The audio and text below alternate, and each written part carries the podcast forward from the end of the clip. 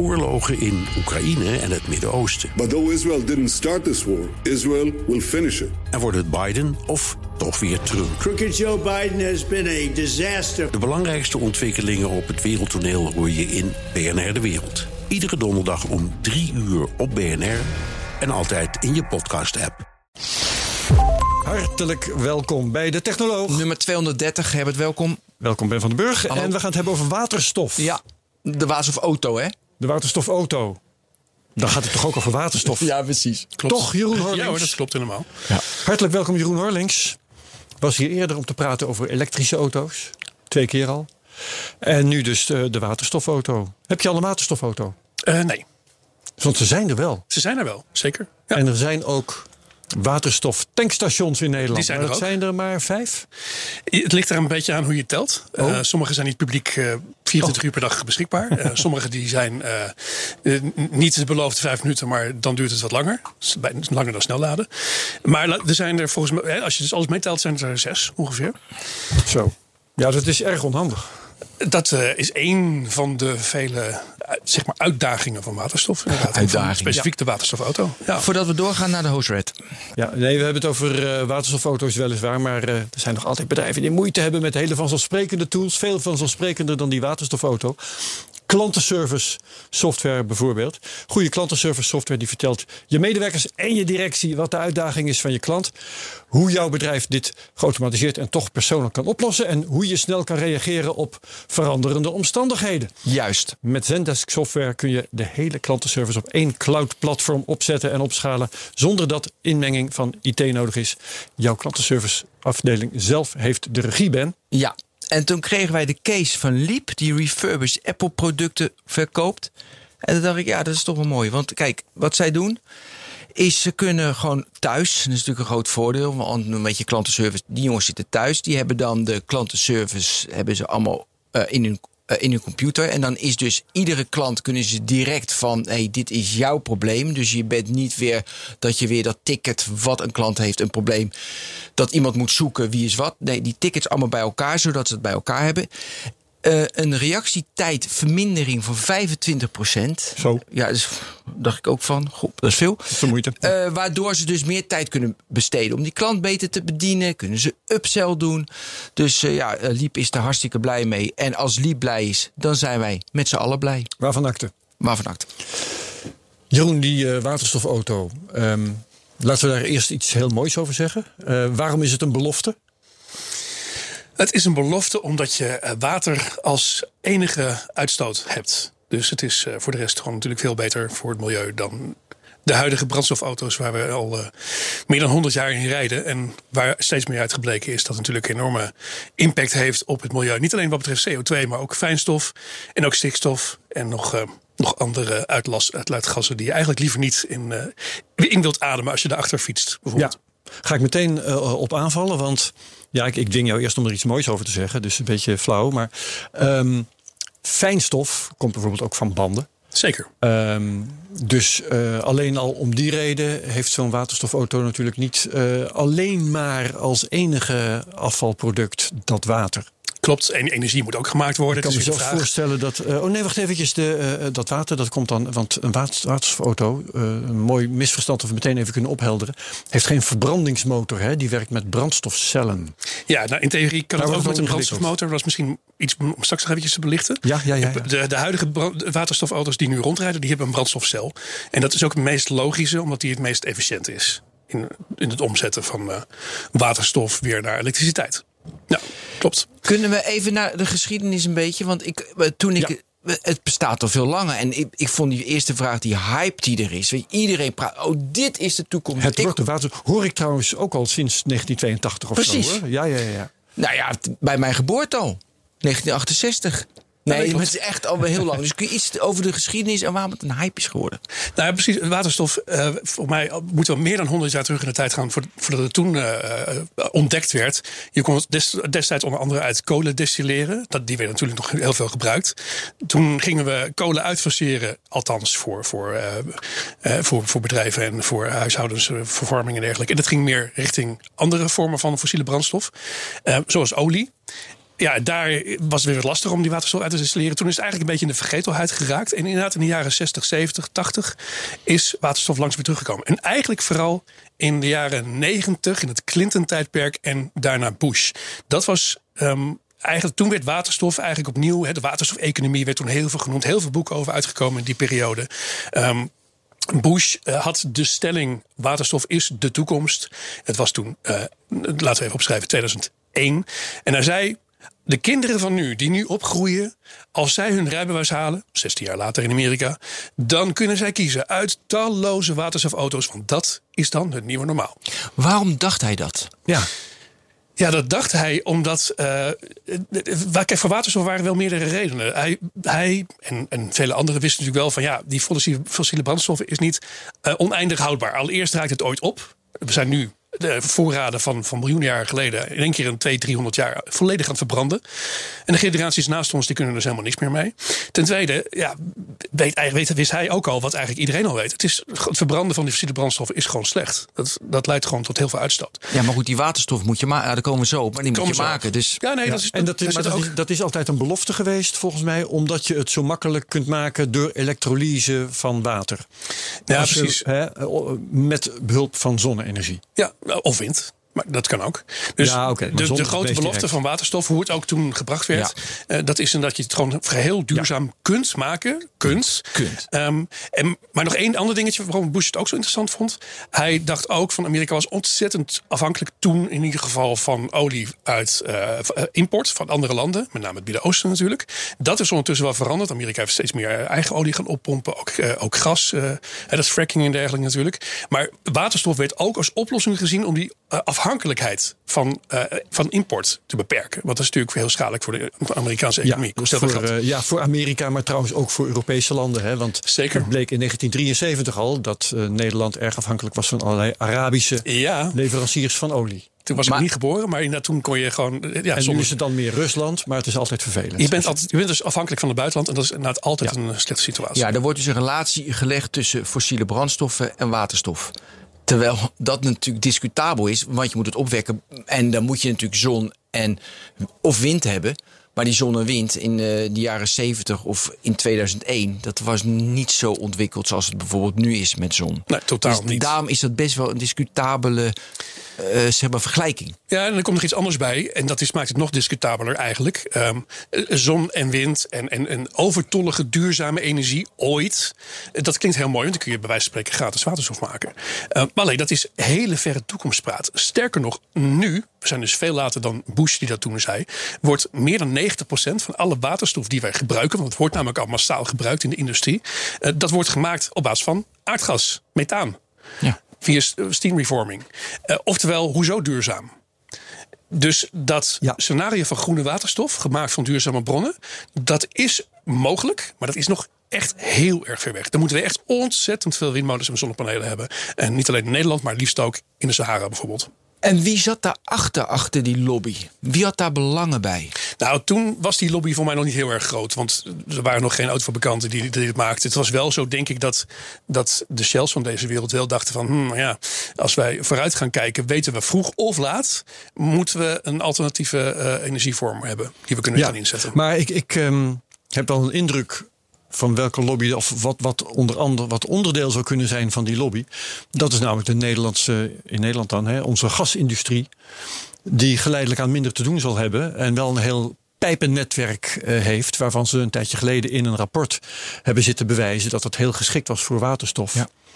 Uh, wat volgens mij omstreden is. Maar uh, in ieder geval vinden ze het daar leuk om dat aan te tonen. Dat je waterstof kunt gebruiken. En dat je dan ook die spullen kunt gaan uh, inzetten daarvoor. Mm -hmm. daar is natuurlijk een belang mee gemoeid. Ja. Dus dat is een partij die daar belang bij heeft. Niet waar? Nou, het is de gasunie. En het heet niet voor niks de gasunie. wat doen wij als inderdaad de gaswinning in Groningen gaat stoppen? 2022 is ja. het plan. Hè? Of in ieder geval zwaar afbouwen in Groningen en Friesland waar het gewonnen wordt. dat betekent dat wij moeten importeren. Wie die afhankelijkheid en dergelijke. Nou ja, oftewel, uh, wat moet de gasunie dan doen? Iedereen ontslaan? Nee, liever niet. Dus vandaar dat de gasunie eh, nog steeds inzet, zwaar inzet op aardgas. Ook al hebben ze het heel veel over waterstof in de toekomst. Maar ze zijn eigenlijk gewoon heel erg bezig met eh, vloeibaar aardgas, LNG. Eh, want dat is in ieder geval als een soort van tussenfase zeker heel erg interessant.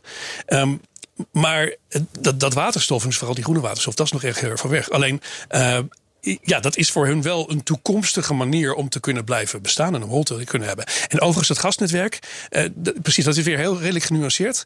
Ehm, want er zijn eigenlijk twee soorten. We hebben het gasnetwerk wat we allemaal eh, ook thuis gebruiken. Is niet allemaal, ik heb het niet meer. Maar eh, waar, je, waar je op kookt, bij wijze van of mee verwarmt. Eh, maar je hebt ook het industriële gasnetwerk. En dat is echt iets anders. Dan hebben we het over eh, alle eh, industriële bottlenecks, Rotterdam, maar ook eh, ehm, de Tata Steel en dergelijke, die allemaal verbonden zijn, waar enorme gaspijpen onder liggen. En die zijn allemaal opgezet om eh, van Nederland een soort van hub te maken. Waarbij we, eh, dus dat is een van de rollen die wij hebben. Zelfs voor aardgas wat we niet zelf eh, uit de grond halen, maar ergens anders vandaan komt, wordt via Nederland weer gedistribueerd naar andere landen.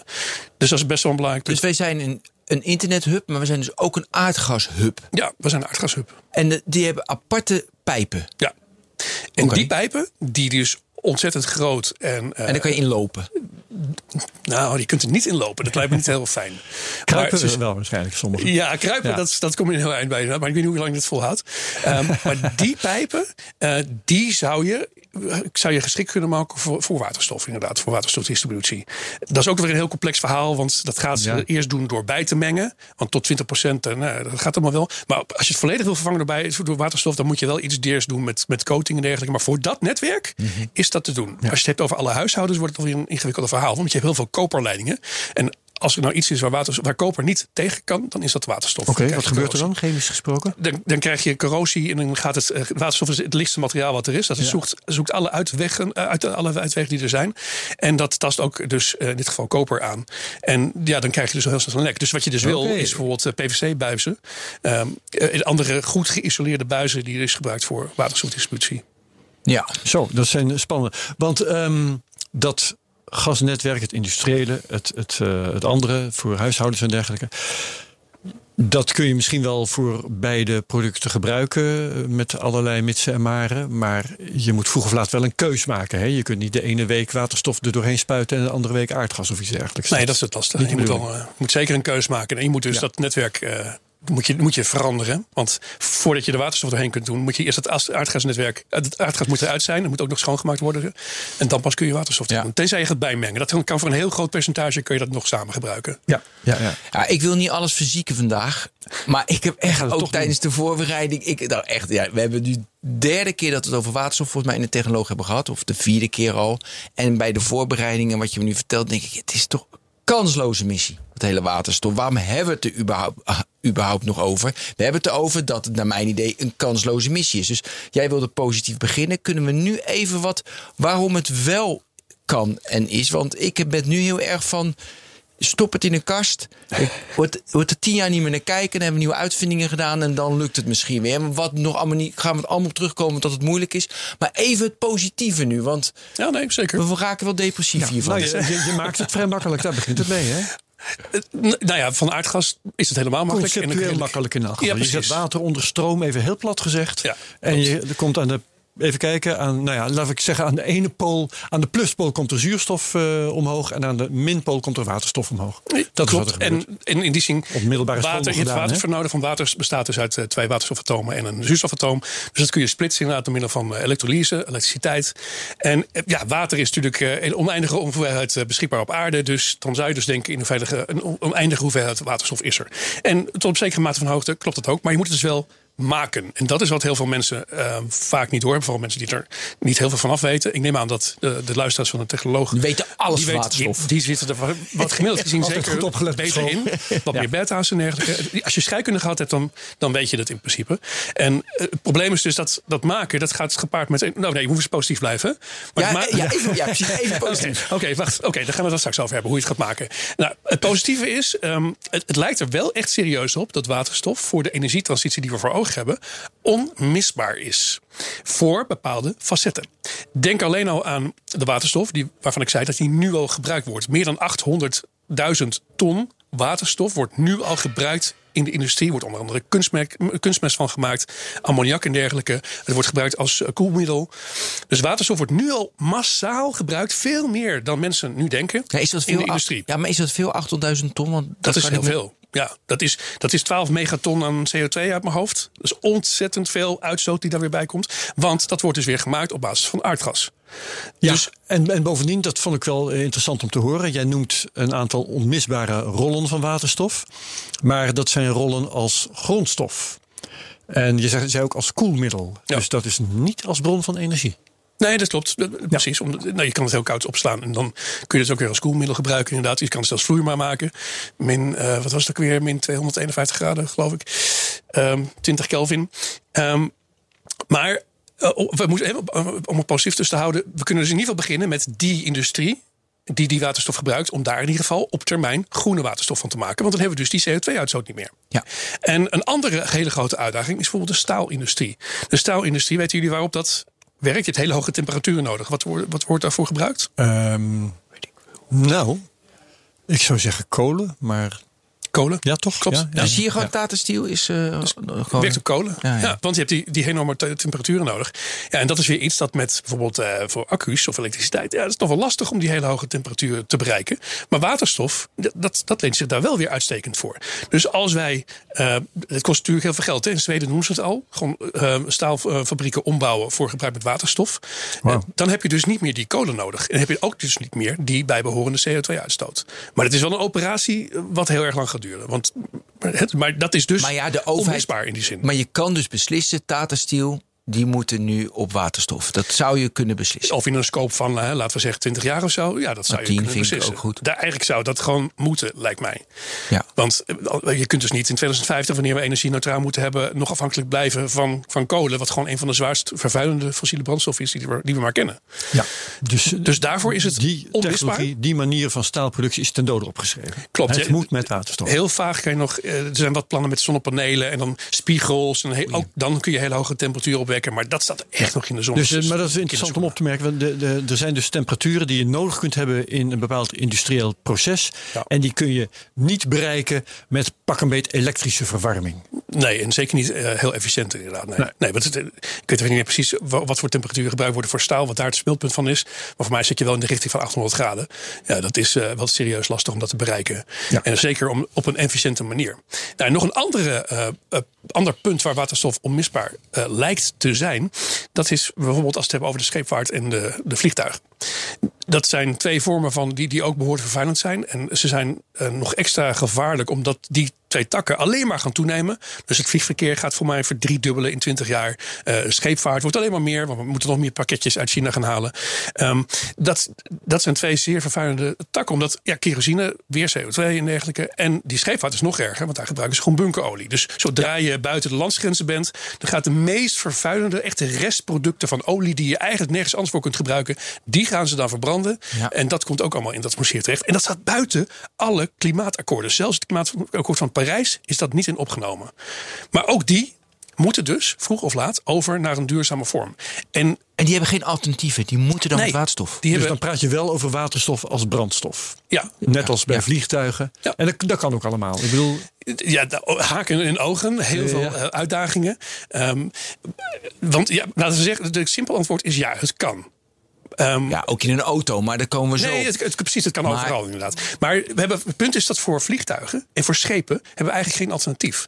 Want accu's, eh bij schepen zou dat voor een deel nog kunnen. Maar die hele grote vrachtschepen met al die containers. Ja, dan moet je wel heel veel accu's meeslepen. En die moet je ook weer onderweg Zwaar. ergens opladen. Waar doe je dat als je in Egypte bent? nou, uitdaging, uitdaging. Ehm, vliegtuigen, nou, het goede nieuws is, er zijn nu al accu-elektrische vliegtuigen. En die werken, die vliegen. Die, die bestaan ook, hè? Echt als productie. ja, maar ze komen niet ver en ze kunnen niet veel meenemen. Precies. Ze, ze kunnen drie mensen meenemen op dit moment althans. Ze zijn het aan het uitbreiden richting 20. En ze komen inderdaad nou, een kilometer of 100, nee, een kilometer of, of, of een paar honderd, een uurtje vliegen. Dan ben je er eigenlijk wel. Nou, dat wordt ook allemaal weer opgerekt. Maar laten we zeggen, bij 500 kilometer, dan houdt het wel een beetje op. Dus intercontinentale vluchten naar Amerika eh, met een accu-elektrisch vliegtuig, dat, dat gaat waarschijnlijk nooit gebeuren. Op zich nooit, nooit. Maar dat is voor nu, zoals we Ja. met de tech van nu, is dat ondenkbaar. Eh, Waterstof eh, zou dat wel kunnen.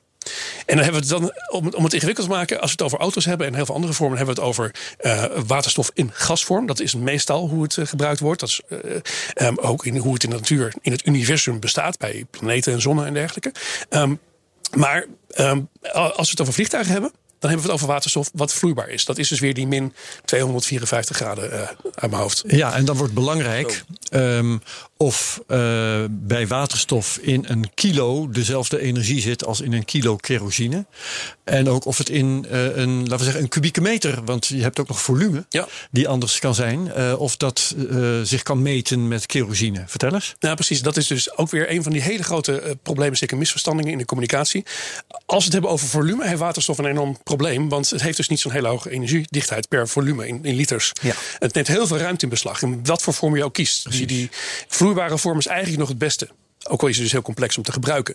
Um, maar um, als je dus weer gaat omrekenen naar, uh, naar kilo's, dan is het, omdat het zo licht is, uh, is, het per, is de energiedichtheid per kilo is weer heel erg interessant. Oké. Okay. En op die manier wordt het vaak, wordt het vaak omgerekend. Maar dan heb je het dus wel over, um, niet over waterstof bij atmosfeer bij normale uh, omgevingstemperatuur zoals nu. Maar dan heb je het over waterstof met enorme compressie. 350 bar, 700 bar. Daar heb je het dan, en dan over. moet je daar dus weer kilo's voor meenemen. Dan um, moet je ook weer en, en cilindrische tanks meenemen.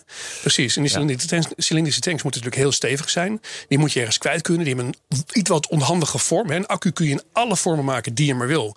Uh, een cilindrische tank is een cilindrische tank en die moet je ergens kwijt kunnen. En zoals nu kerosine bij vliegtuigen, dat wordt in de vleugels opgeslagen. Het is wat lastig om allemaal hele grote cilinders daar, daarin te, in te stoppen. Um, dus dat neemt meer, niet meer ruimte in beslag. Dus vloeibare waterstof is dan weer Ja. een beter alternatief. Hoe ver zijn ze? Ja, Met precies. Dat wou ik net vragen. Wat, wat kunnen ze met een waterstofvliegtuig? Nou, op dit moment uh, Airbus is een van de partijen die hele grote plannen heeft. Um, maar op dit moment is dat het, een plan. Dus ze zijn nog helemaal niet ver. Dit is echt wel iets wat aangejaagd moet worden. Um, want ja, en maar dat is het lastige. De, heel veel takken van de sport en zeker ook uh, de, de vliegindustrie is gewoon redelijk conservatief. Dus laten we vooral niet te veel veranderen aan de vorm van een vliegtuig. Ja. Terwijl het veel efficiënter kan. Er zijn echt veel andere vormen die, die veel handiger zijn.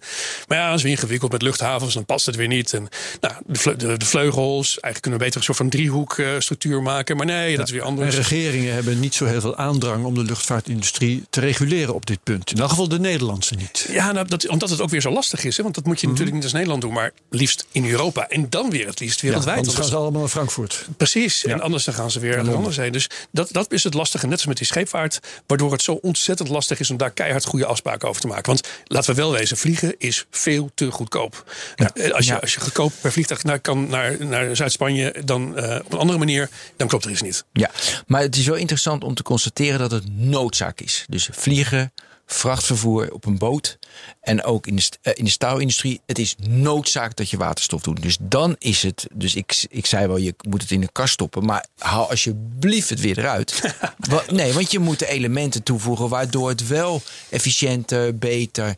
Welke elementen moeten worden toegevoegd? Straks gaan we over auto's, hè? Want daar, daar moet het volgens mij wel nog de kast in. Welke elementen moeten worden toegevoegd waardoor het wel rendabeler is, beter is, dat ook Boeing ermee aan de slag gaat. Nou, dat is dus buiten regelgeving. Serieus een heel groot probleem. Dus daar heb ik niet een heel positief antwoord op. Want we weten dus wel de, die richting op moet gaan. Maar kerosine is heel goedkoop. Uh, uh, het is ook heel goedkoop omdat er überhaupt geen belastingen opgeheven wordt. Hè? Waarom eigenlijk niet? Dat is natuurlijk belachelijk. Dus overal zit belasting ja. op. Maar kerosine? Nee hoor, want vliegen is heel belangrijk. Huh? Ja, dat was het in de jaren 60, 70, 80 toen het opkwam. Maar nu niet meer. En ook daarvoor moet je weer wereldwijde afspraken maken. Um, dus uh, dus het is geen technisch probleem. Het is dus een ja. reguleringsprobleem. Het is ja, een reguleringsprobleem, maar ook puur als je de kostenvergelijking maakt tussen, uh, tussen waterstof. Laten we eventjes zeggen dat er een waterstofvliegtuig al wel bestaat. Dus die is al gemaakt. Dat is natuurlijk ook heel complex. En dan puur op kijk, als je puur kijkt naar het maken van waterstof met elektrolyse dus. In ieder geval hoe we dat de komende 20 jaar voor ons zien. Dan is het vele malen duurder dan kerosine. Oftewel, het kan, maar de prijzen van de vliegtuigtickets moeten echt drastisch ja, omhoog. Maar waar, maar waar zit dat in? Kijk, dat vliegtuig is natuurlijk goedkoop. Uh, op kerosine is goedkoper, want dat is, is al 10.000 keer gemaakt. En die processen zijn allemaal uh, heel erg efficiënt geworden. En, en met zo'n waterstofvliegtuig is nieuw. Dus de, daar hebben ze weinig, weinig ervaring mee. Dus ik denk, maken 100.000, uh, dan zakt de prijs.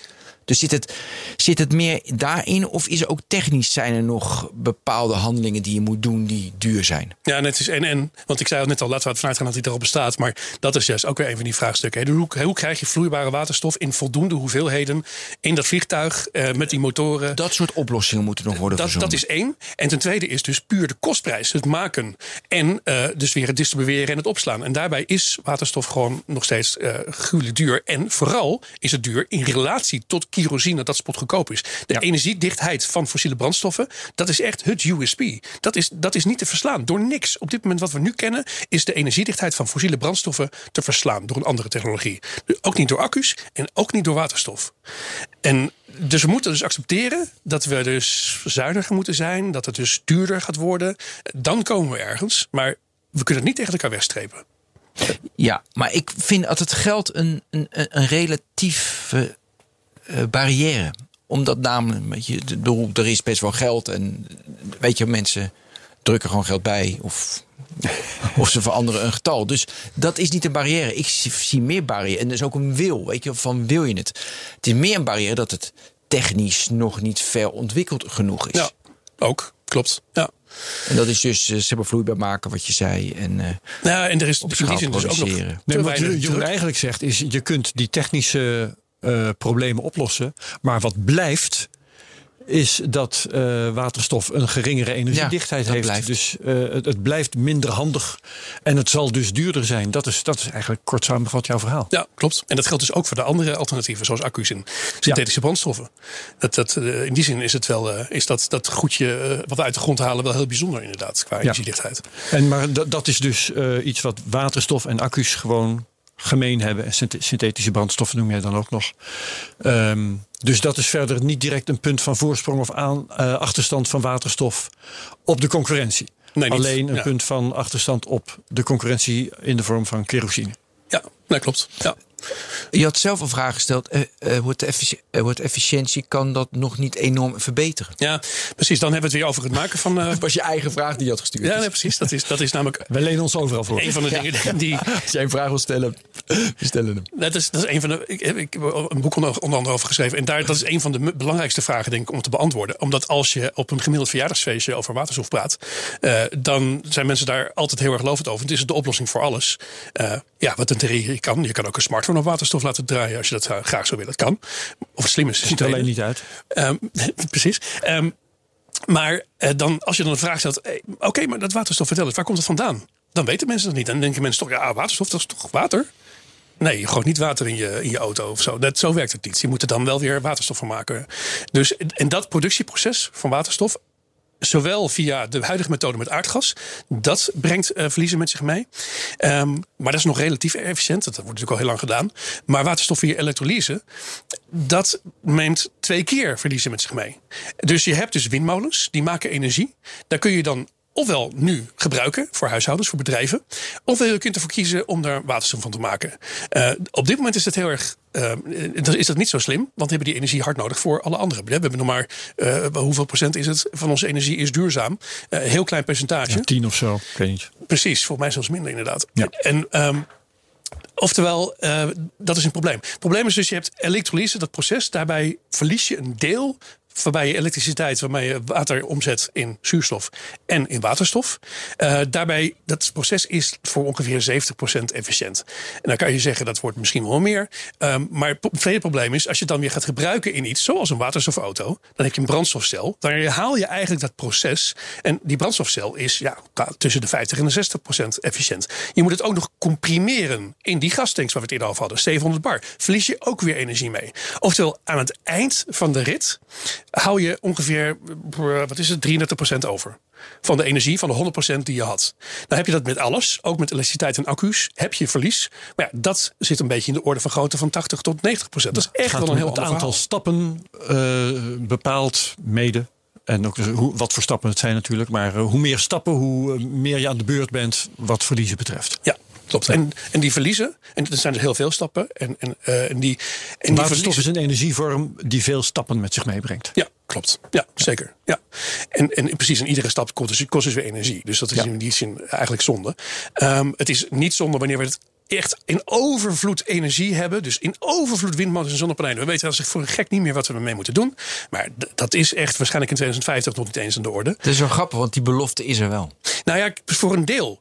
Dus je zult ehm, tussen 2030 en 2050, en eerder wat later eh, dan, dan eerder, zul je momenten hebben van overtollige energie. Dat wil ik je- zeggen. Het is precies, eh, het is ehm, plaatselijk, eh, tijdelijk en zo. Ja. Dat je die overstoffen ook volgens mij ook nu al wel Ook nu al wel. hebt. Klopt. En ja. dan is waterstof een goed alternatief. Ja. Als je dan, eh, dan toch, of je moet bitcoins gaan minen, kan ook. Als je dan toch eh, niet weet wat je ermee moet doen, maak er dan maar waterstof van. Ja, nee, dat precies. En dat is dus ook een scenario wat heel veel genoemd wordt. Ja, maar je kunt het gratis maken bij overgeschotten. Nou, gratis, dat kunnen we echt doorzetten. Dat is gewoon niet het geval. Je, om het waterstof te maken heb je een electrolyzer nodig. Dat is een vrij duur apparaat, wat dat dus doet. Dat, dat, dat, Ja. Wat dat dus verwerkt. En waarbij dus energie verloren gaat.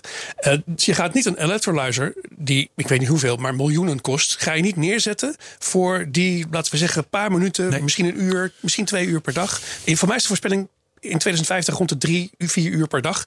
Daarvoor ga je echt geen dure electrolyzer En dat werken. heeft eh, Wim Turkenburg hier nog eens uitgelegd. In een van onze eerdere Die komt in de show notes. Ja, dat die electrolyzers inderdaad pas rendabel zijn als je ze eigenlijk fulltime Ja, aan de praat klopt. houdt.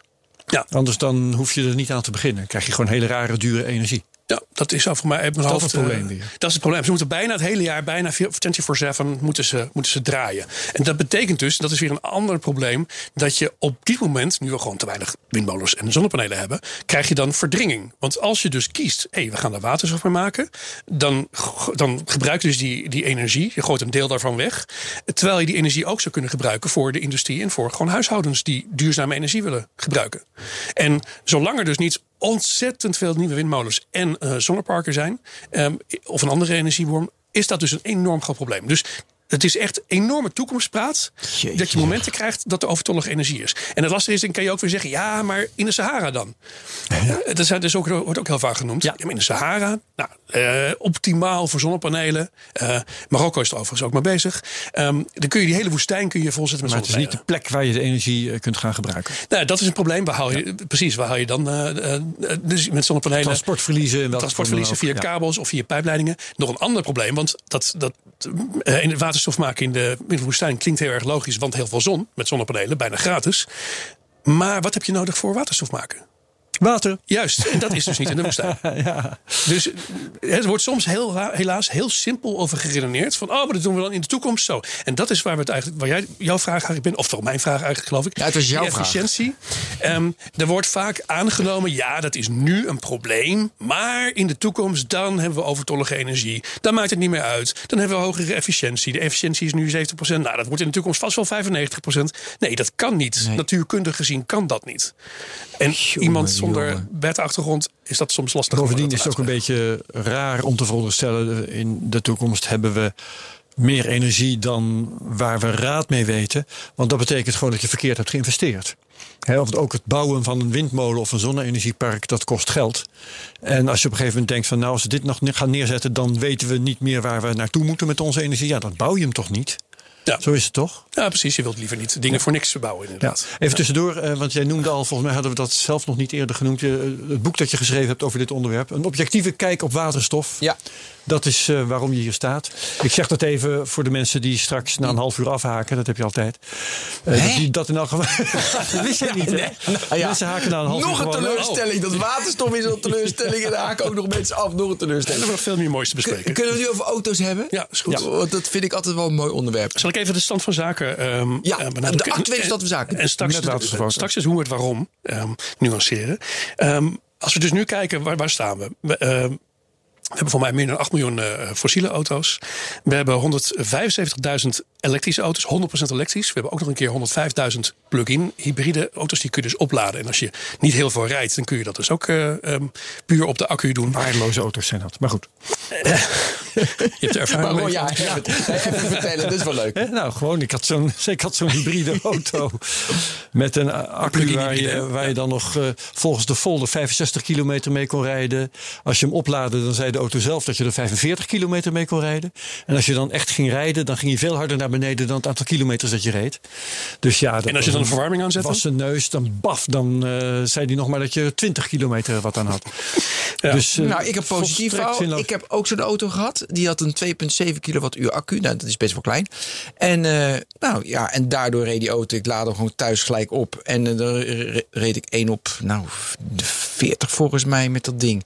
Want ja, Dan in heb het dorp de rijd je benzine toch... die je dan nog verbruikt. Ja, want in het dorp rijd je toch het maar 15 kilometer en dan weer... Ja, dat is zeker efficiënter dan een Ik normale... zou 15 kilometers mee rijden. Maar, dan, maar dan, dan kijk je alleen naar de benzine. Logisch dat je dan weinig benzine verbruikt. Maar je moet natuurlijk ook eh, gaan meerekenen hoeveel kosten hè, of hoeveel CO2-voetafdruk je dan gebruikt voor de Elektra waar je ook Oh, dan wel dat, mee in- rijdt. dat interesseert mij maar niks. nee, maar Jeroen interesseert dat wel. Daarom. Ja, Jeroen, gaan we door. Komt ook weer bij. Die rekenen dat soort dingen uit. Nee, we waren dus bij. eh, we zitten in een 105. transitie. hè, Dus we gaan. we- het is, dat is gewoon een feit. 2030 moet, eh, moeten alle nieuwe auto's emissieloos zijn. Nou, dat is, het is een vrije markt, dus alle, toe- alle mogelijkheden daarvoor zijn toegestaan. Ehm, als we dus nu kijken. 2021 stand van zaken hebben we het over 175.000 eh, volledig elektrische eh, auto's. En dus 105.000 plugins.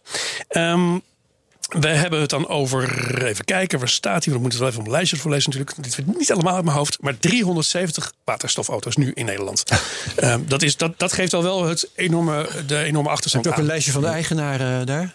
Nee, dat, die eigenaren, eh, dat zijn dus geen particulieren eh, of officieel. Ah, dat ja. zijn eh, gemeenten en overheden met name die dat, die dat gebruiken. En ook hier en daar taxis, zoals in Den Haag.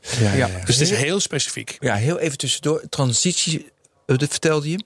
Dan wil ik wel even die grafiek, je hoeft het niet precies te vertellen, maar zitten we op schema voor 2030, nu in 2021? Want we horen dit natuurlijk al vanaf 2012 met de subsidies en alles. Zitten we een beetje op schema? We zitten op schema. Als, we, als deze groei eh, nu aanhoudt, dan, eh, dan, eh, dan is het tegen die tijd misschien niet 100%. Maar dan zitten we er zo dicht tegenaan dat dat En die laatste zal 20% het verschil niet meer maakt. En dan zal de overheid weer een belastingmaatregel doen, waardoor die piek weer even wordt ja, gehaald. precies. Dan Precies, kun je dus nog wel tweedehands blijven doorrijden hè, met, met verbrandingsauto. Dus dat, dat duurt echt nog heel lang voordat we daar vanaf zijn. Maar nieuwe auto's die zijn dan emissieloos. En dat, dat gaat dus lukken. Zowel qua aanbod gaat het lukken als qua vraag.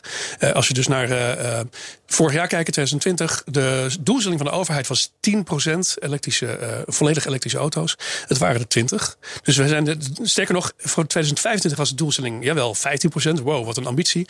Dat, is dus, dat zijn we dus nu in 2020 al gepasseerd. Dus dat gaat op dat vlak wel lukken inderdaad. Ja. En het aanbod neemt nu ook enorm toe. Van allerlei verschillende. Iedere autofabrikant heeft er nu eentje. Ja. En die ehm, waterstofauto's, je zegt 370 geloof ik.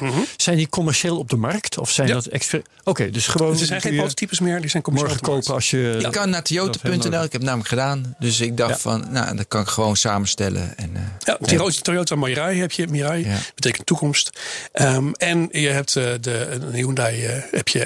en die, eh, dat zijn allebei waterstof. En dan krijg je en ook de. Honda Clarity, Fuse. Nee, de Honda Clarity Oh, wordt niet in Nederland. Ja, die bestaat wel, maar die wordt alleen in Japan en in Californië gebruikt. En niet in Nederland. Ah, jammer. En eh, dat heb, je hebt er nog wel meer hoor. Je hebt ook nog een. eh, eh, wat is het ook weer? Een. ehm, Mercedes heeft er ook nog eentje, maar die is alleen in Duitsland beschikbaar. Maar zit daar beweging in? Ehm groeit Ja. dat, het aanbod aan verschillende modellen? Of Nee. stagneert dat? het aanbodmodellen. Nou goed, als ze die Duitse auto ehm, eh, meetellen, dan is er dus eentje bijgekomen. Maar voor de Nederlandse markt is het al jaren zijn het er twee. Ehm, en dat, dat beweegt eigenlijk totaal niet. Eh, dat waren autofabrikanten die nog meer plannen hadden, die ook plannen hadden van nou, we gaan misschien ook een waterstofauto produceren. BMW, Mercedes noemde ik al. Eh, die plannen zijn op dit moment in ieder geval eh, losgelaten. Ja, oké. Toen eh, Elon Musk met Tesla begon, iedereen, wat een loser, dit wordt helemaal niks, kansloos enzovoort. Nou, nu rijden best veel. Nu rijden, de, dus, dus de beurswaarde is best wel, wel hoog. Zou het kunnen zijn dat iemand nu zegt van, nou, weet je, ook een charismatische CEO, waterstofauto's, vol erin en iedereen lacht uit. En dan is het over 13, 14 jaar, in 2030, lukt het wel. De verhaal wat ik net van je hoorde, denk ik, dat gaat nooit lukken. Nou ja, ik Maar zie dat het dus op dit moment ook niet voor mij. Ik, ik, zie, de, ik, zie niet, eh, de- ik zie niet voor me waarom er nu een shift zou komen... waardoor een waterstofauto aantrekkelijker is dan een elektrische auto. Kijk, voor een specifieke doelgroep... als je eh, heel Europa doorreist continu... en je rijdt echt meer dan 500 kilometer per dag... Ja, dan is een waterstofauto, eh, al dan niet als een soort van range extender... ja, die is dan wel interessant. Maar hoeveel use cases zijn daarvoor? Dat is echt maar een hele kleine meerder- minderheid. Dus je zult misschien wel wat meer hybride vormen gaan, gaan zien. Zoals die, die Mercedes in, in Duitsland, die heeft een 14 kilowattuur accu. Daar kun je dus best wel aardig puur elektrisch mee rijden. Kun je voor mij ook opladen. En als je dus verder moet rijden, dan gebruik je waterstof. Oké. Nou, dat kan dus ook. Ja, nee, maar dat, dat is wel interessant. Want ehm, daar hebben we het geloof ik nog niet over gehad. Eh, een normale waterstofauto zoals die nu op de markt is... is namelijk eh, geen auto met een verbrandingsmotor. Nee. Hè, zoals dat vliegtuig het wel moet hebben als het een waterstofvliegtuig wordt. En die schepen mogelijkerwijs ook. Maar een, waterstofauto heeft een brandstofcel. Waarom? Omdat het het meest efficiënt is. Eh, brandstof, dus eh, we hadden het niks over In efficiëntie. termen van brandstof per kilometer. Ja, kilometer precies. per Ja. liter. Qua efficiëntie het omzetten weer van de waterstof met zuurstof die Ja. je van buitenaf aanzuigt. Om daar weer elektriciteit van te maken. En Dat dat is, dat is handig, want dan ben je toch met, al met elektra bezig in je voortstuwing en alles. Dus je hebt eh, eh, geen versnellingsbak en je hebt Ja. geen eh, verbrandingsmotor, maar wel elektromotoren op de wielen. Ja. Dus je hoeft je alleen nog maar een zekere hoeveelheid accu toe te voegen. En Klopt. dan kun je ook thuis opladen of met Nee. je brandstof. Nou, op- bij ja. die, die ene auto wel. Ja, maar die 14 kilowatt. bij de- dat is niet gebruikelijk. Nee, het is niet gebruikelijk. Het is, het is die, Ja. In principe moet je de, de huidige wa- waterstofauto's zien als een soort van hybride. Dus Ja. die hebben een klein accu'tje. En die accu is Oké. puur bedoeld als mini-buffertje. Dus Ah. het, in die zin is het een redelijk ingewikkeld proces. Dus je bent aan het rijden. Je krijgt zuurstof. Dat komt dus door behoorlijk grote eh, inlaten. Hè, nog grotere grill dan, dan normale auto's. Komt zuurstof binnen. En die zuurstof die gebruik je weer om van dat waterstofgas eh, elektriciteit te maken. Die elektriciteit gaat dan eerst eh, in principe naar de accu. Klein accu'tje. Daar wordt het opgeslagen als buffer. Die kan je ook weer gebruiken als je, als je remt voor de regeneratie. Niet zo sterk als bij een elektrische auto, maar voor een deel wel. Dat is dus een hybride. En vanaf daar krijg je dus de elektriciteit van de accu. Die wordt gebruikt voor de aandrijving. Als je Ja. langzaam rijdt, is het alleen maar die accu. Als je echt heel snel rijdt, dan wordt die brandstofcel tegelijkertijd ook gebruikt. Om, Ja. eh, Weet je waar mij dit aan doet denken? nou, Aan de doedelzak. eh, Tuurlijk. dat, Serieus? dat associatieve vermogen voor jou. De doedelzak, dat is een reservoir lucht dat je de hele tijd vol blaast. oh ja. En eh, ja, eh, de, de lucht die de, dat gefluit voortbrengt, komt uit de zak. En wat de speler aan het blazen is op dat pijpje, dat dient alleen maar om die zak vol te blazen. Ja, En als nou hij meer eh, lucht nodig heeft dan hij kan blazen, dan, dan drukt hij wat harder met zijn elleboog op die zak. En als hij adem moet halen ook. En vandaar dat ik moest denken Ja. aan de doedelzak. Die had ik nog niet bedacht, inderdaad. Maar dat klopt. Niet uit. Voor je volgende boek. Precies. En we- overigens, ehm, want we noemden al de verbrandingsmotor. Technisch kan dat. Technisch kunnen we met wat revisies aan de verbrandingsmotor... kunnen we eh, waterstof gebruiken. Zowel vloeibaar als in gasvorm. Alleen, dan is het dus nog veel minder eh, rendabel. Want het rendement is dan lager dan die van een reguliere verbrandingsmotor met benzine. Nou ja, daar moeten we dus denk ik niet heen. Maar het kan wel. Dus, hè, dus vandaar die brandstofcel, die is, eh, als je kunt kiezen, is dat natuurlijk een veel betere oplossing. Het probleem blijft wel van de waterstof in het auto in het algemeen. Ja, brandstofcel, dat is niet eentje, maar dat is een stack van meerdere cellen. Je moet een bepaald voltage halen. Je hebt dus een accu nodig. Je hebt eh, op dit moment drie gastanks nodig. Die zitten verspreid door die auto. Die moet je ergens kwijt. Het zijn enorme dingen. Dat betekent dat je per definitie grote auto's nodig hebt. Want in Oh een ja, klein ja. autootje kun je dus logischwijs minder gastanks eh, gebruiken. Als je minder gastanks gebruikt, kun je minder ver rijden. Nou, waarom zou je dan nog naar waterstof eh, gaan, zeg maar. Ehm, dus het is een complex geheel. Je krijgt ook die hele motorkap ligt vol. eh, De onderkant eh, ligt vol met, met gastanks en dergelijke. Je hebt dus een brandstofcel nodig. Je hebt heel veel elektronica nodig. Je hebt dus ook heel veel onderhoud nodig. Dus je zit in die zin, qua zowel qua kostprijs momenteel als qua onderhoud, ehm, zit je op een vergelijkbaar niveau als momenteel met verbrandingsmotor, maar eigenlijk zelfs iets daarboven. En juist dat wetende, als zijnde, wat, wat voor kosten heb je nou precies een elektrische auto? Nou, bijna, bijna niks. Ik bedoel, de banden, hè? De, de banden die sluiten, die blijven sluiten, die sluiten zelfs iets harder. Ehm, maar voor de rest heb je dat accu-pack. In principe gaat die heel lang mee. Dat zijn wel eens uitzonderingen. Maar in principe hoef je daar niet echt druk op te maken. Een elektromotor kan ook een miljoen kilometers meegaan. Ehm, dus je hebt veel minder slijtage. Ehm, dus ook al daarom, als je die twee opties hebt, waarom zou je dan voor een waterstofauto kiezen? Ja. Behalve is- bij heel specialistische use cases. Het eh, doet me denken aan de begintijd. Ben eh, die eh, refereerde daar ook al aan. De begintijd van de elektrische auto. Toen de omvang en het gewicht van die accu's ervoor zorgden dat je hele nieuwe compromissen moest gaan sluiten. Ja. Die hebben we net een beetje onder de knie door vooruitgang van de techniek, maar ook door het aanpassen van ons verwachtingspatroon, denk ik. En nou komt die waterstofauto en moet je weer hele nieuwe compromissen sluiten. Omdat je dus eh, gigantische volumes nodig hebt om voldoende waterstof mee te brengen. Dat is eigenlijk en- wat jij zegt. En dan zeggen heel veel mensen, ja, maar waterstof dat is net nieuw. Dat is dat, dat, dat accu en dat heeft een enorme ontwikkeling doorgemaakt. Ja, en de dat, vraag komt wordt dan, eh, kunnen we die compromissen ook goed sluiten? Hè? Eh, En kunnen we eh, het kantelpunt een beetje verplaatsen? Dat we, nou, dat we er meer aan wennen of dat de vooruitgang van de techniek ervoor gaat zorgen dat die compromissen gunstiger uitvallen. Nou ja, het zal zeker gunstiger uitvallen in de toekomst. Eh, eh, Brandstofcellen zijn gruwelijk duur. Als die kapot gaan, heb je, dan is je motor, is je hele auto totaal los natuurlijk. Voor mij ligt in de orde van, van, van 20.000 euro.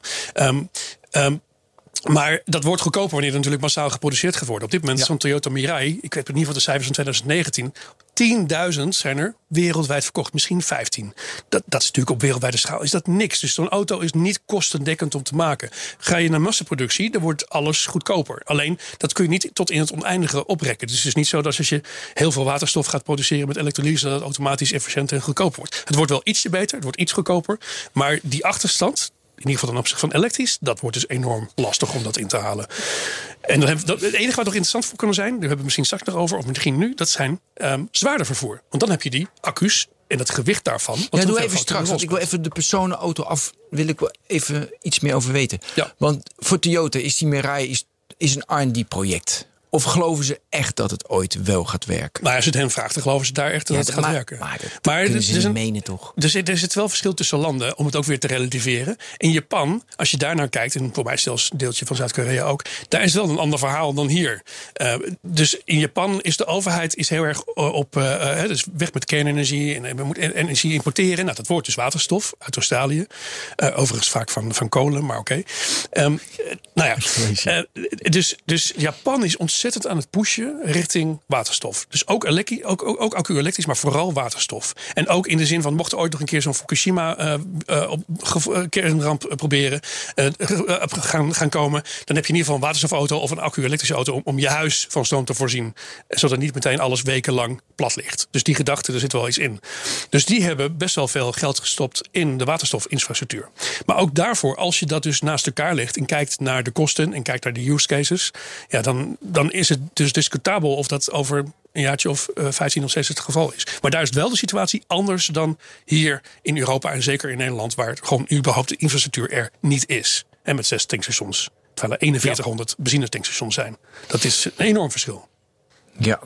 Eh, en, en die tankstations, omdat het hobby is in Nederland, komen er ook niet meer. Dat is ook niet zo belangrijk. Nou ja, mensen zeggen van ja, de overheid moet meer inzetten op waterstof tankstations. Maar dat doen ze al. Dus er ligt 1,2 miljoen subsidie als jij een tankstation wil beginnen. Dat eh, kun je dus eh, van de overheid krijgen. Dat betekent wel dat je voor de rest natuurlijk zelf ook nog moet investeren. En je moet die, dat tankstation op lange termijn rendabel krijgen. En daar zit hem dus weer de uitdaging in. Kip-ei ook een beetje natuurlijk. ja, hè? want met 370 auto's Ja, gaat dat, niet worden. Dat is niet rendabel te krijgen, inderdaad. Bovendien is een waterstoftankstation kun je niet één op één vergelijken met een regulier tankstation. Hè, waar je vloeistoffen hebt en dergelijke. Nee, ook daar heb je dus weer eh, gastanks waar het in moet opgeslagen worden.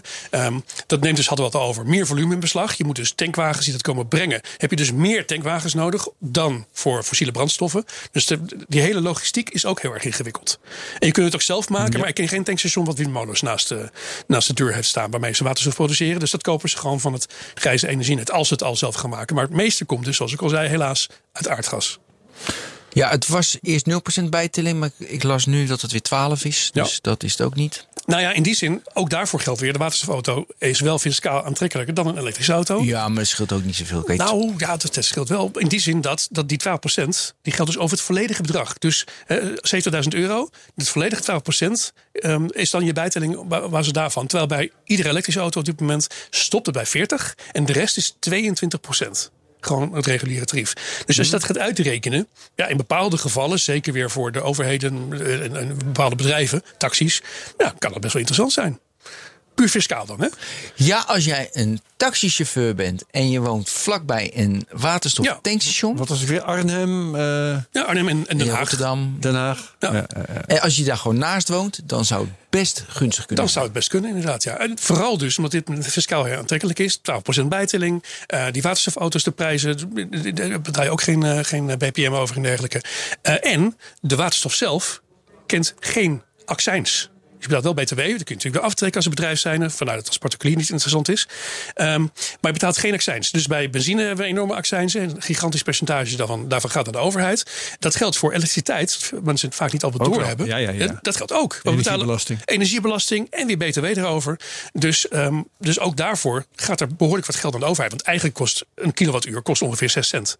Of 7 cent. En niet die, die, die 25 of 35 Ja, cent die je bij een laadpaal betaalt. Ja, en, maar als ik dan eh met Toyota Mirai vol tank. Mhm. ehm, want dat in jouw boek, in jouw vorige boek, vond ik zo leuk. Had je al die sta precies van wat het kost met een elektrische auto. Dat heb je denk ik ook voor een waterstofauto gedaan. Dus per kilometer is dat duur. Eh, Dus, dus, dus jij zegt goedkoop, maar hoeveel dan? Nou, dat, dat scheelt dus een factor 4 ongeveer. Ten opzichte van? Van een elektrische auto. Zo, nog vier. Het, het is wel variabel, want elektrische auto's Nou, altijd weer de vraag. twee zijn. Ja, precies. Maar doe je dat thuis, dan is het goedkoop. Ja, doe je dat ja, bij de altijd bij een- thuis, ja. Precies, Ja, dat dat soort dingen. Maar in principe is de factor 3 tot 4 duurder dan een elektrische auto. En dat is alleen al de reden. Die taxichauffeur, ik ben echt om. Jij wordt er een. Nee, dat is het. ja. Carrière switch. Carrière zou kunnen. Lijkt me wel lekker, wel lekker de dag een beetje rijden, een beetje mensen, een beetje ouwe. Maar ook daarvoor wordt weer gezegd, ja, maar die prijs gaat naar beneden. Ja, ja dat kan. Maar het is ook weer daarvoor geldt, zolang we niet overschot en duurzame energie hebben, Ja. zie ik dat niet heel snel gebeuren. Dus dat, dat is dus, eh, als je dat gaat uitrekenen, en dat is ook voor vrachtvervoer, vervoer, als je dat gaat uitrekenen, is dat best wel een ingewikkelde use case op lange termijn. En nu heb je subsidies, het wordt wel gesimuleerd. En subsidies heb je nodig in een transitie. Alleen als je op lange termijn gaat uitrekenen, wat kost mij dit nou? Dan is waterstof gewoon duur. Ja, we gaan naar die vrachtwagens toe, want jij Ja. zei dan, dan lukt het wel. Nou, dat heb ik niet gezegd. Nou, dan heb je meer mogelijkheden. Dan heb je. Nee, kijk, we schrijven die personenauto af. Die, dus dat vliegtuig en die boot voor de toekomst, top, industrie. Oké, we kunnen niet anders. We precies. maar we kunnen niet anders. Ja. Vrachtauto's, die zitten op de grens. Ja, die zit al op, op- dat, dat, wordt al interessanter. Ehm, bij vrachtwagens heb je natuurlijk het probleem dat hoe ver moet je rijden? Ehm, eh, als het voor distributie is, dus hè, voor, de, voor, voor supermarkten, nou, dat red je wel elektrisch. Eh, met- Op dit moment zitten we tussen de 100 en 300 kilometer, 400 hier en daar. Nou, daar kom je een heel eind mee. Heb je het over vrachtvervoer wat heel Europa doorkruist, dan is het niet meer genoeg. Dan hebben we echt een groter bereik nodig. Dan heb je dus weer extra accu's nodig, extra accucellen. Dat maakt het weer zwaar. Dat gaat weer de kosten van de vracht die je kan meenemen. Eh, er zijn eh, eh, nog geen elektrische vrachtwagens die dat bereik aankunnen. Die komen er wel. Hè. Dit jaar de Tesla Semi, eindelijk. Want dat is ook al lang beloofd natuurlijk. Maar dit jaar Hmm. Maar dan komt, hij weer markt. over, het- dan komt hij weer een jaar later. Ja, in Amerika eerst natuurlijk. Hè. America first, nog steeds. Ook met Biden. Ehm, en dus daar gaat hij eerst komen. Maar ook dat is best wel een interessante use case. Wat het qua kosten. Maar die belooft dus dat je, dat je wel een fatsoenlijke range hebt. van Er zijn meerdere modellen van tussen de 600 en, en de 1000 kilometer. Ja, dan kom je ergens. We kunnen wel snel aanleiden. Ergens natuurlijk ondertussen.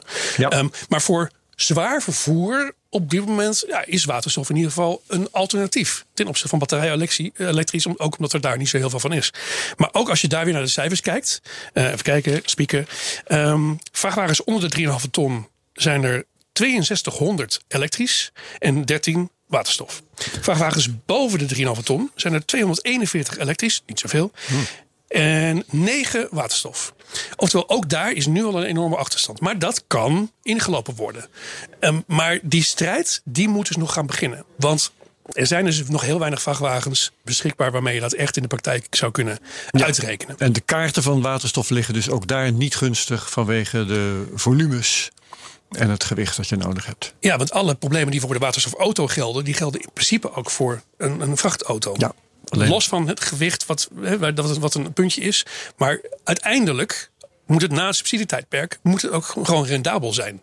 En dan moet je dus al die oplossingen naast elkaar leggen. En dan is het de vraag. En natuurlijk zijn er heel veel vragen. Hè, van hoe doe je dat met die slaadladers van die vrachtwagens? Want die vrachtwagens moeten met een veel hoger vermogen geladen worden. Natuurlijk dan persoonauto's. En we hebben het echt over een megawatt. Of misschien zelfs 4,5 megawatt wordt gesproken over. Dat is, dat is gigantisch. Hoor je dan? Maar dat, dat kan. Ja. Want hetzelfde geldt voor die vrachtwagen, voor die waterstoftankstations. Ja, dan, heb je, dan heb je tankstations nodig met een veel grotere capaciteit die nu gebruikt wordt. Veel grotere voorraden. We zeiden al, meer vrachtwagens moeten rijden, want het neemt meer volume in. Eh, dan moet je veel meer ruimte hebben voor je tankstation dus. En, en ook dat eh, het is duurt te tanken dan ja, een minuut of twintig voor mij met een vrachtwagen. Alleen als er dus meerdere vrachtwagens, en dat geldt ook voor auto's, achter elkaar aan het tanken zijn, wat natuurlijk op dit moment heel vaak gebeurt, dan moet een compressor weer alles op druk brengen. Weet je, die, die, die 350 en 700 bar waar we het over hadden. En dat kan zijn dat je een half uur moet wachten. Dus het is dus niet altijd per definitie snel tanken. Maar Nee. tanken is een, is een voordeel van, van waterstofvrachtwagens in theorie. En eh, dus het gewicht. Alleen Dus de ook- strijd is daar weer te een, een hele lijst aan dingen die veranderen. Ja. Aan eh, omstandigheden waar je aan moet wennen. Eh, Zeker. Of technologie die eh bij ontwikkeld moet worden. Want misschien komt er dan wel weer eh, een of andere techniek om die druk veel sneller op, op peil te krijgen. Bijvoorbeeld, ja. Precies, dat, dat kan in principe wel. Maar dat Ja. verhoogt wel de kosten. Ja. Dus je kunt meerdere compressoren kun je gebruiken inderdaad. En parallelopstellingen. Ja. Maar we moeten, hè, eh, ook hier denk, is het denk ik zo dat we vroeg of laat van de fossiele brandstoffen af moeten. Klaar, Mhm. punt. Ehm, en moeten we dus vooral de alternatieven met elkaar vergelijken. Ja. Want natuurlijk eh, heeft waterstof het dan moeilijk ten opzichte van die tank met diesel. Maar je moet waterstof en elektrisch met elkaar vergelijken. En zijn er nog meer kapers op de kust eigenlijk? Qua vrachtvervoer? Nou ja, biobrandstoffen, synthetische brandstoffen. Ja. Ja, dat vind ik ook zo nep. dat heeft ook weer allemaal haken- en Ja, inderdaad. hè. Dan moet je, ja. Jeroen, als je in het volgende, in het volgende kabinet eh, minister van Waterstof bent, wat voor maatregelen neem je dan? Nou, dan zou ik dus inzetten op zo snel mogelijk het verduurzamen van de waterstof die nu gebruikt wordt. Die 800.000 ton. Ja. Want dat, dat, dat gaat ieder jaar gaat maar weer door. En het wordt alleen maar meer. Hè? Want het is in hoge mate nog waterstof die wordt gewonnen uit aardgas. Ja, en dus de eerste stap die in dit geval dat nieuwe kabinet, maar het liefst ook de hele EU zou moeten doen, is als transitie, dus niet als einddoel, maar als transitie, is daar blauwe waterstof van maken. En dat hebben we nog niet besproken. Dat is gewoon diezelfde waterstof van aardgas, wat dus grijze waterstof is. Maar dan wordt de CO2 wordt afgevangen en onder de grond weggestopt. Dat is ook niet zo gebeurd. Maar dan kun je nog wel op een relatief goedkope manier... eh, kun je dus zonder CO2-uitstoot kun je die waterstof gaan maken. Dat moet dus niet het einddoel zijn. Einddoel is dus elektrolyse, oftewel groene waterstof. Maar we weten dus, we hebben geconstateerd... Ja, we zijn ver na 2035 voordat dat überhaupt een echte serieuze optie is. Laat staan dat het kostendekkend is, want dat duurt nog weer langer. Ja, dus zo snel mogelijk blauw en natuurlijk werken naar groen. Ja, precies. Dus dat zijn jouw maatregelen. Dat, dat, zijn, eh, dat zijn maatregelen. En vooral ehm, de discussie, ook binnen de EU, waterstof heeft daar een behoorlijk grote rol op. Het klimaatakkoord heeft waterstof een enorm grote rol. Maar niemand heeft het echt helemaal exact ingevuld en berekend wat naar wanneer. Er zijn heel veel proefprojecten. Moeten we waterstof gaan gebruiken om te gaan koken? Moeten we waterstof gaan gebruiken voor de verwarming? Ehm, moeten we- eh, het kan allemaal. Ja. Maar we, d- we hebben heel veel pilots, maar er is dus nog niemand die zegt: dit is onze lijn. En ik zou zeggen, als ik minister van Waterstof zou zijn, eh, gaat nooit gebeuren, maar goed. Oké. Nee, nee, nee, nee, Maar- gewoon dan moet je, moet je voor je zien. Dan gebeurt het ook. Dus, nou, oké. Dus dan zie ik een waterstofladder voor mij. Dat heb ik niet zelf bedacht. Dat bestaat al langer. En natuurorganisaties hebben dat ook eh, al heel goed uitgesplitst. Dat betekent, je hebt een prioriteitenlijst. Je hebt waterstof. We weten dat het is schaars. Het blijft schaars. We moeten het dus inzetten voor datgene waar de meeste winst is qua uitstoot. En, eh, waar, eh, en, eh, ehm, hoe heet het? en waar geen alternatieven bestaan. Dus voor de staalindustrie en voor vliegtuigen. Daar zijn geen alternatieven voor. Dus waterstof is daarvoor cruciaal. Heb je het over auto's op waterstof? Ja, dat staat dus helemaal onderaan. Heb je het over koken op waterstof? Er zijn allerlei alternatieven. zijn nu beschikbaar. Zijn niet duur. Dus waarom moet Zinloos, je dat gaan, ja. pilots gaan draaien om dat te onderzoeken? Ehm, eh, we kunnen ook, ik noem het al, smartphones en laptops en fietsen kunnen we ook prima op waterstof eh, gaan draaien. Dat kan allemaal. Maar moeten we dat willen? Is dat echt een enorm voordeel? En is dat efficiënter en goedkoper? Het antwoord is nee. Nee, want dan krijg je een fiets met een aanhangwagen eh, waar je waterstof op zit. Ja, of dan zo. moet je met je fiets naar tankstation. Ja. Bijvoorbeeld. En ook als het regent. En dan kun je niet thuis in je schuurtje opladen. Ik noem maar wat. Ja, ik, ik zie niet echt de USP van een waterstoffiets. Maar ze zijn er wel. Het, het kan. Technisch, ja. Ja. Maar je moet dus keuzes maken. En, eh, die- dus je moet echt als EU en als overheid denk ik de prioriteit liggen bij eh, het versneld uitvoeren van zo, zo, zoveel, zo snel mogelijk verminderen van de CO2-uitstoot. En het verduurzamen van de industrie waar geen alternatieven voor zijn. Ja, en ehm, nou, voor auto's is het dus niks, voor fietsen is het niks, voor vrachtvervoer eh, is het misschien wat.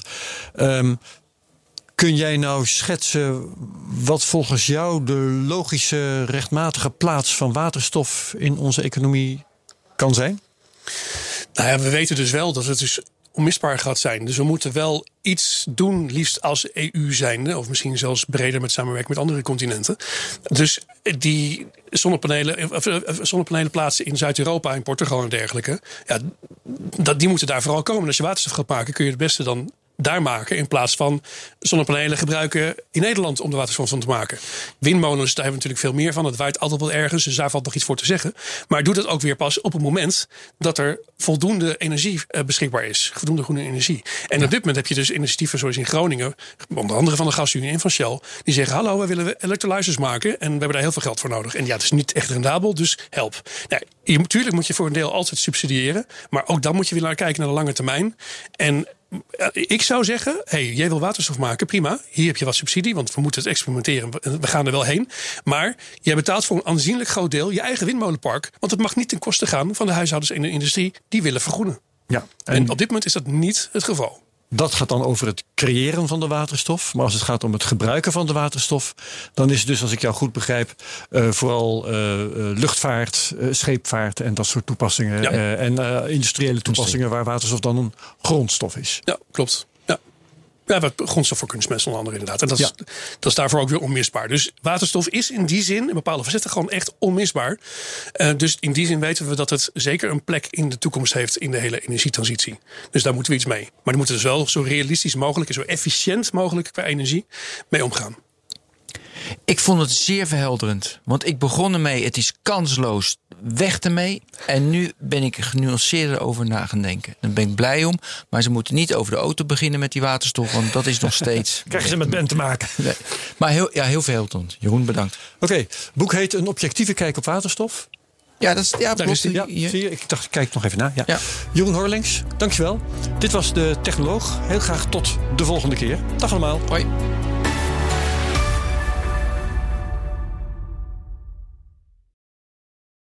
Ook Liesbeth Staats vind je in de BNR-app. Ja, heel handig. Luister live naar Kees en mij tijdens de Daily Move. Dan blijf je ook gelijk op de hoogte van breaking news en het laatste zakelijke nieuws. En daar vind je ook alle BNR-podcasts, waaronder de Perestrooikast. Download nu de gratis BNR-app en blijf scherp.